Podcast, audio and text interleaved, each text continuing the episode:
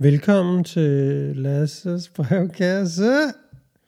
Du lytter til en brevkasse, der ikke er en brevkasse. Der slet ikke er en brevkasse, det er jo sådan, jeg plejer at sige det, ikke?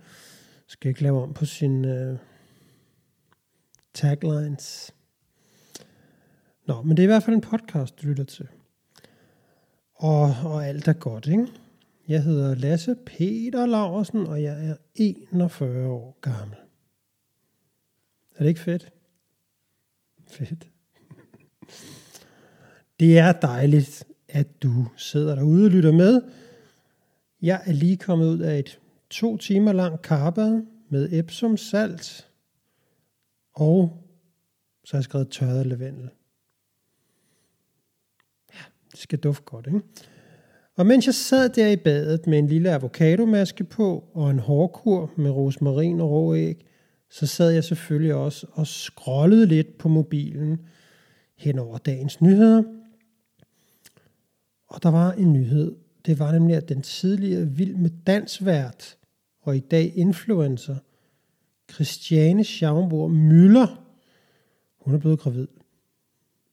Og øhm, ja, der står sådan set faktisk også her, at hun er podcastvært.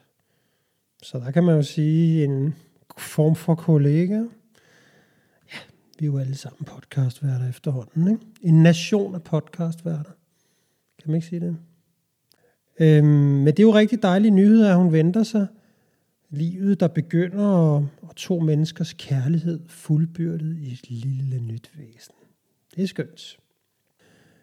Men hver eneste gang, jeg læser om Christiane Schaumburg Müller, så kan jeg ikke lade være med at tænke på hendes mand, Daniel Uxmann. Og det lyder selvfølgelig lidt forkert, og jeg ikke kan lade være at tænke på ham.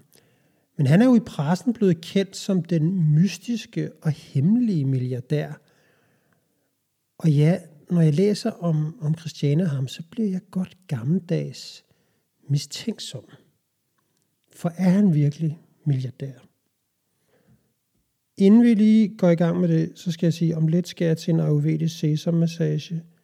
Men jeg vil gerne lige bruge en stund sammen her på at lege sådan en, du ved, hvad hedder hun? Jessica Fletcher, hende derfra. Hun så et mor. Øhm, og kigge lidt nærmere på det her lille mysterium. Er Daniel Uxman egentlig milliardær? Og øhm, lad mig starte med at forklare det, tænker jeg, det kan være en god idé, at forklare, hvorfor er jeg egentlig skeptisk. Øhm, I 2015, der skriver øh, faktisk hele den samlede presse, vil jeg sige, om den øh, ukendte Daniel Uxman, som har købt Asiens dyreste lejlighed i Hongkong. Koster 425 millioner danske kroner. Og det er jo altså, den, den historie er sådan set den danske offentligheds første møde med øh, Daniel Uxman. Men Uxman, han bliver altså først for alvor rigtig, rigtig kendt, da han bliver kærester med influenceren og den tidligere Vild med Dansvært, Christiane Schaumburg Müller. Og det er en stor nyhed, at hun har fundet sig en såkaldt mystisk milliardær, som ingen til synlædende ved noget som helst om. Altså andet end han har købt den her lejlighed i Asien til 425 millioner kroner. Kærligheden den er stor og blomstrende, og øh, Daniel Oksmann han flytter til Danmark. Han boede åbenbart i Schweiz, Singapore, ja, det ved vi ikke rigtigt. Og det første han gør, det er, at han køber et hus nede på Gardes Allé i Hellerup til 28 millioner kroner. Og den nyhed, den vækker forsigtigt min skepsis. For hvorfor købe en af verdens dyreste og mest prestigefyldte lejligheder i Hongkong, og så købe sådan lidt lunken villa i Hellerup, en villa på en lille grund og et stykke fra vandet? Jeg mener, der er ikke engang havudsigt. Det synes jeg er mærkeligt, at man giver den så meget gas i Hongkong, og så kommer man hjem i Hellerup og nøjes. Det forstår jeg simpelthen ikke. Så allerede der, der, der kommer sådan de små hår op, og, og, og den, den vakse, den vakse fyr, ikke? Det er så mig. Sådan lige, hvad skal man sige? Om han, han var sgu ikke nogen, der løber om hjørner med, hvad? Og jeg undrer mig videre, For øhm, Daniel Oxman, han køber et hus sammen med hans kæreste kone, Christiane Schaumburg Møller, for han bytter huset på Gardesallé i Hellerup med et hus på Parkhorsvej i Gentofte, som de betaler 31,5 millioner for. Og nu er den da helt gal. Milliardæren går fra Gardes Allé, der trods alt er en, er en sundvej mod Øresund, til at bo på den helt forkerte side af Bernstofsvej. Og det nye hus op på Parkhavsvej, det ligger fandme også i anden række til Bernstof Slotshave. Anden række. Men det er jo ikke en milliardær værdig. Det er det jo ikke. Så igen begynder jeg ligesom at connecte det store puslespil og siger, der er noget galt her. Og, øhm, og nu sidder jeg jo faktisk her og kigger på den offentlige tinglysning og på det hus, de har købt sammen, Parkhavsvej.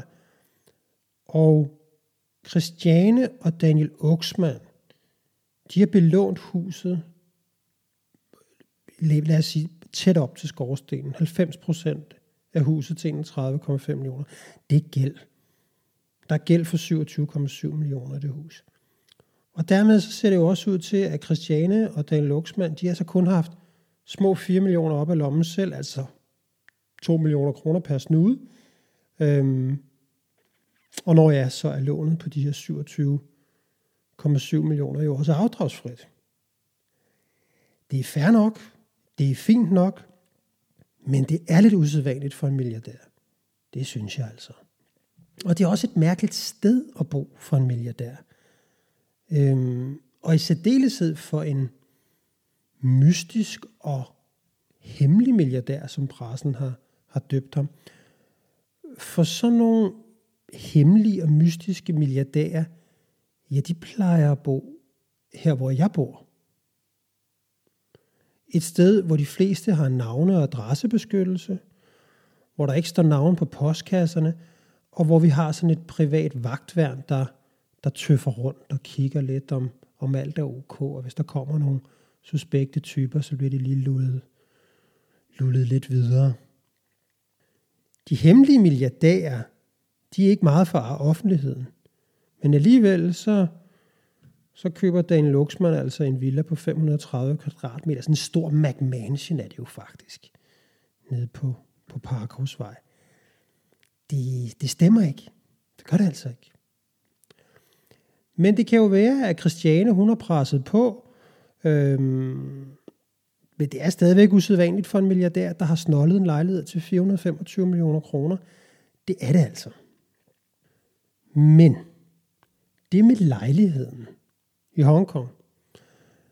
Det er måske heller ikke helt rigtigt alligevel.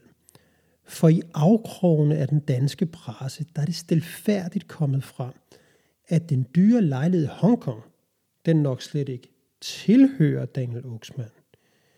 I stedet så tilhører den nok hans tidligere arbejdsgiver, hans tidligere chef, Allan Warburg, som ejer milliardvirksomheden Bestseller Fashion Group – som han blandt andet ejer sammen med den meget kendte milliardær, nemlig bestsellerskaberen Anders Holk Poulsen.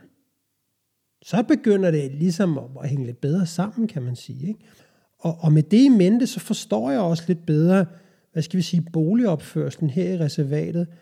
Øh, for så er han måske slet ikke så rig, som flere dele af pressen turnerer rundt og fortæller. Så til trods for, at det er det kommet lidt frem, at lejligheden i Hongkong nok slet ikke tilhører Daniel Oxman, så afholder det altså ikke medier som Finans.dk, BT, Berlingske og Se og Hør fortsat at kalde Daniel Oxman for milliardær. Og så tænker jeg jo, hvor fanden har det det fra? Hvorfor tror de, at han er milliardær? Hvordan er det snidet sig ind som en form for faktum, når man beskriver øh, Christiane øh, Schaumburg Møller og, og hendes mand? Hvor, hvorfor, hvordan den er det snedet sig ind, at han skal have den betegnelse? Jeg har kontaktet dem alle sammen. Finans.dk, BT og Berlingske og Se og Høre. Der er kun en, der er vendt tilbage, og det er, øhm, det Se og Høre. hos resten, de skulle tavse som graven.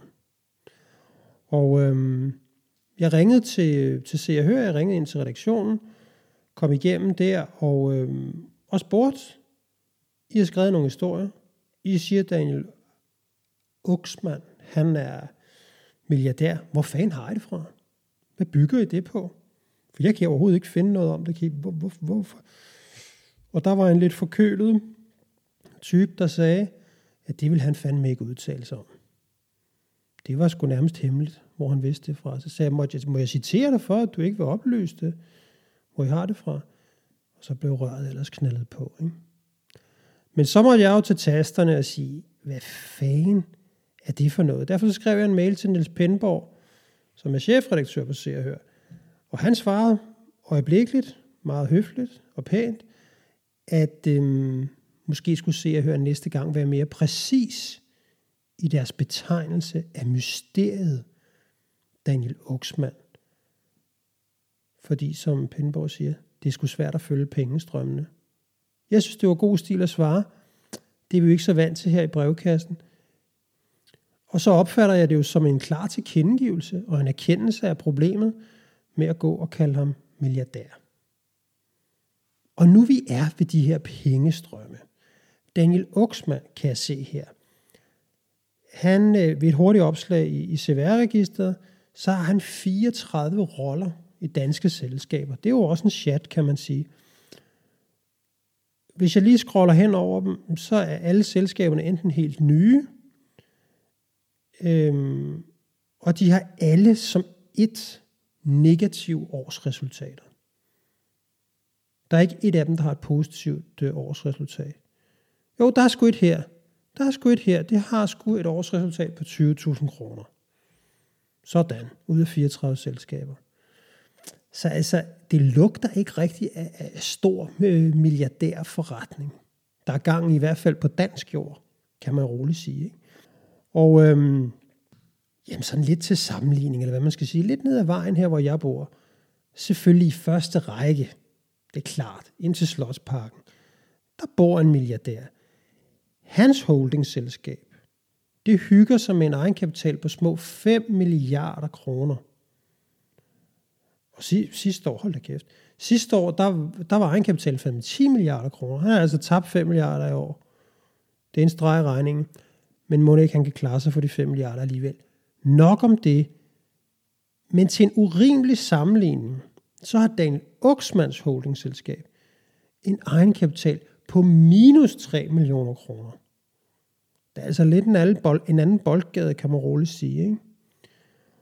Og ja, ja, hvad ved jeg om regnskaber og så videre. Næste gang jeg er ude at sejle, tror jeg, med en af mine gode venner, når vi sejler til Falslede Kro, han er revisor, så må jeg prøve at høre ham om, hvad hulen det her det er for noget. Hvor fanden gemmer de milliarder så? Kan han finde noget, jeg ikke kan finde her? For det kan jo være, der er en god forklaring på det hele. Ikke?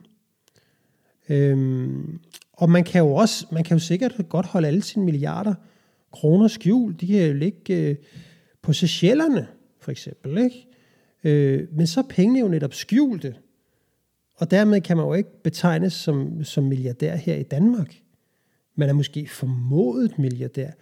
Men hvis man ikke kan slå det efter, så kan man da ikke betegnes som milliardær for hulen.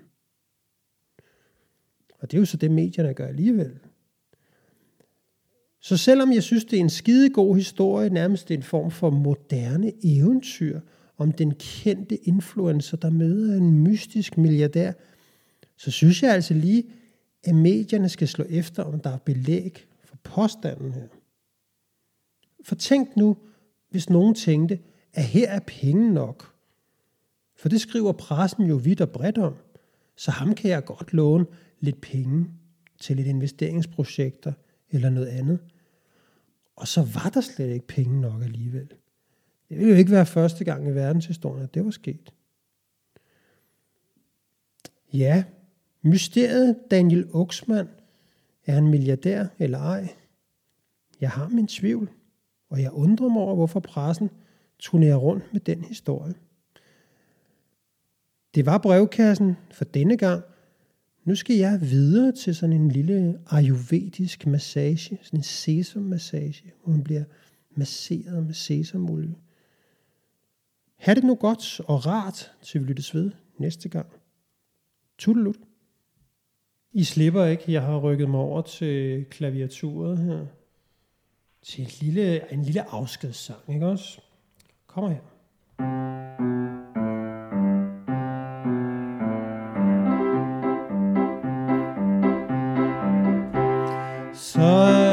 Er med Lasses brevkasse.